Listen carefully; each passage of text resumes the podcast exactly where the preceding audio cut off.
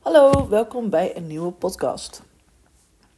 Deze aflevering gaat over het gevoel buitensluiten. Want ja, uh, buitensluiting is misschien wel het gevoel wat ik het meest heb gevoeld tijdens mijn leven met Os. Ehm, kijk, als klein meisje kon ik nou totaal niet praten. Uh, praatte ik eigenlijk vooral uh, in mijn eigen woorden. In een taal wat uh, niet gesproken wordt hier in Nederland. Wat eigenlijk niet gesproken wordt op deze aarde. Um, een taal wat eigenlijk alleen maar ikzelf begreep.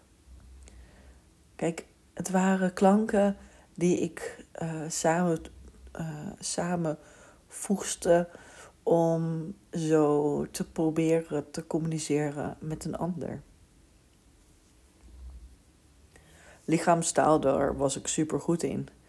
Maar dat begreep eigenlijk bijna nooit iedereen. Kijk, op de peuterspeelzaal uh, begon eigenlijk al heel vroeg dat ik buitengesloten word. Eigenlijk buitengesloten werd. Ik had het niet zo door en ik vond het, ja. Ik had toen, toen ik nog echt heel erg klein was, eigenlijk weinig te kunnen vinden wat ik ervan vond. Soms vond ik het fijn als iemand met me wilde spelen. Maar ik vond het ook heel erg fijn om met mezelf er te kunnen zijn. Maar toch voelde je uh, heel diep van binnen, voelde je wel een bepaald gevoel. Wat ik toen op die leeftijd, een drieënhalf, niet echt kon plaatsen wat het gevoel was. Um, ik heb een zusje. En uh, dat zusje, die uh, werd toen ik vier jaar was uh, geboren. En ehm, mijn zusje, die heeft geen DOS. Die heeft geen taalontwikkelingsstoornis. En ehm, weet je, in, mijn zusje die had, die kon onwijs snel vrienden maken. En mijn zusje kon ook ja, met iedereen meedoen. En ja, weet je, ik als grote zus, als we op vakantie gingen, had zij al vriendjes gemaakt. En daar probeerde ik ook bij te zijn. En uh, ja, die mensen die wilden nooit iets van mij hebben. Die uh, vond mij eerder lastig of een aanhanger, als dat ze uh, nou graag met mij wilden omgaan. In de bus bijvoorbeeld, dat ik met iemand mee meeging en dat die persoon dan met iemand anders ging praten en dat je als een soort van derde wiel erbij zat. Of op school. Dat, uh, dat er een kinderpartijtje was en dat iedereen eigenlijk uitgenodigd werd, behalve ik. Dat buitensluiten, dat is uh, een gevoel wat niet leuk is. Maar het is wel een gevoel die eigenlijk continu terugkomt in mijn leven. En dat is een gevoel wat ik echt aan niemand wil gaan geven. Het is een gevoel wat, je, wat ervoor zorgt dat je er niet, niet aan mee kan gaan doen. Het is een gevoel wat, uh, ja, wat ik uh, pas geleden nog echt heel extreem heb gevoeld.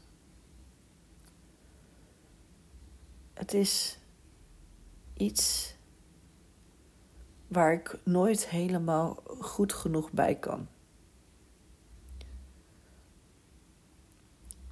En het is het gevoel waar wat mij vooral heel erg verdrietig heb gemaakt, maar ook een grote transformatie heeft gegeven. Kijk,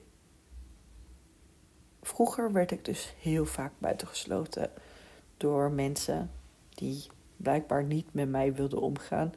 Reden, nooit gehoord. Reden kan ik ook niet opgeven. Maar wat ik wel heb gedaan tegen mezelf, en dat heeft mij. Uh, dat heeft mij. Uh, dit gevoel eigenlijk een hele tijd niet meer.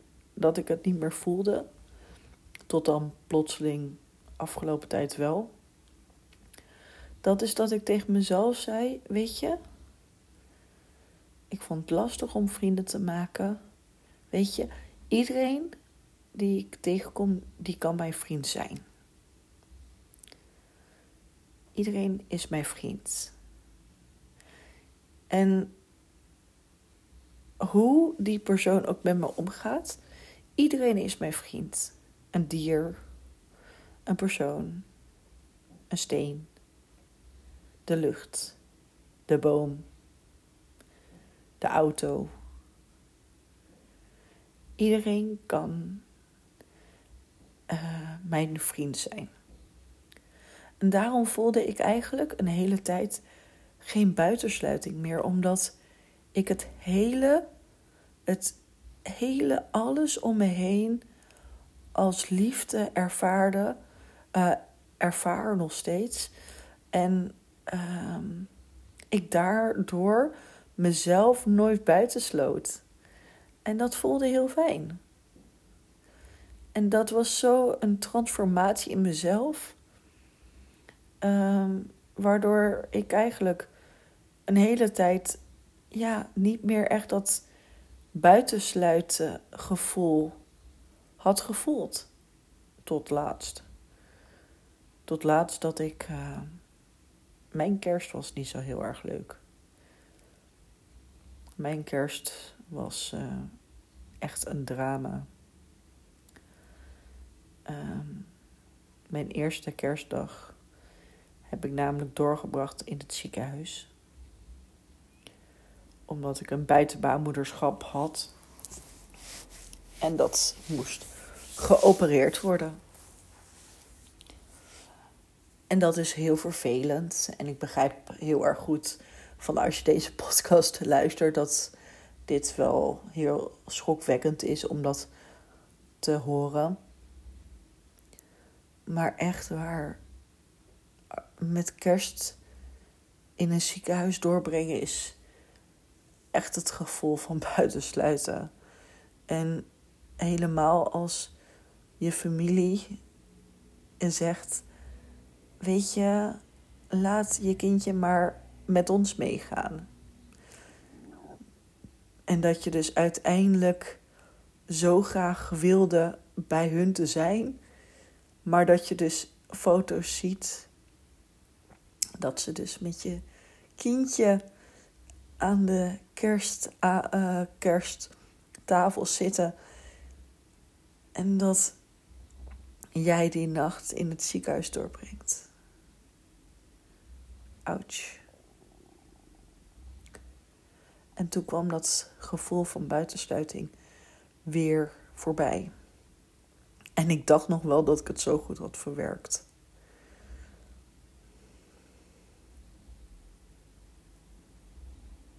Ja. Ik lag in het ziekenhuis en hun zaten met z'n allen aan het eerste kerstmaal van kerstavond. En hoe goed ze het ook bedoelden, sturen ze foto's. Kijk hoe gezellig het, wij het hebben. En ik lag in dat ziekenhuisbed. Ja. En toen kwam dat gevoel van buitensluiting weer voorbij.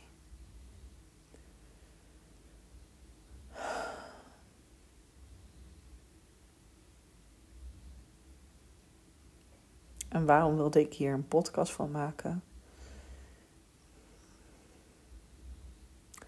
Ik heb er ook een vriendin op overgehouden. Mijn buurvrouw, die ook met mij in het ziekenhuis lag. En daar heb ik wel uiteindelijk de hele avond een heel fijn gesprek mee gehad. Hoe bijzonder haar leven was of is.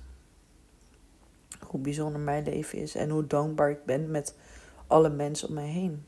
En dat ik natuurlijk ook dankbaar ben dat mijn ouders mijn kindje hadden meegenomen naar huis.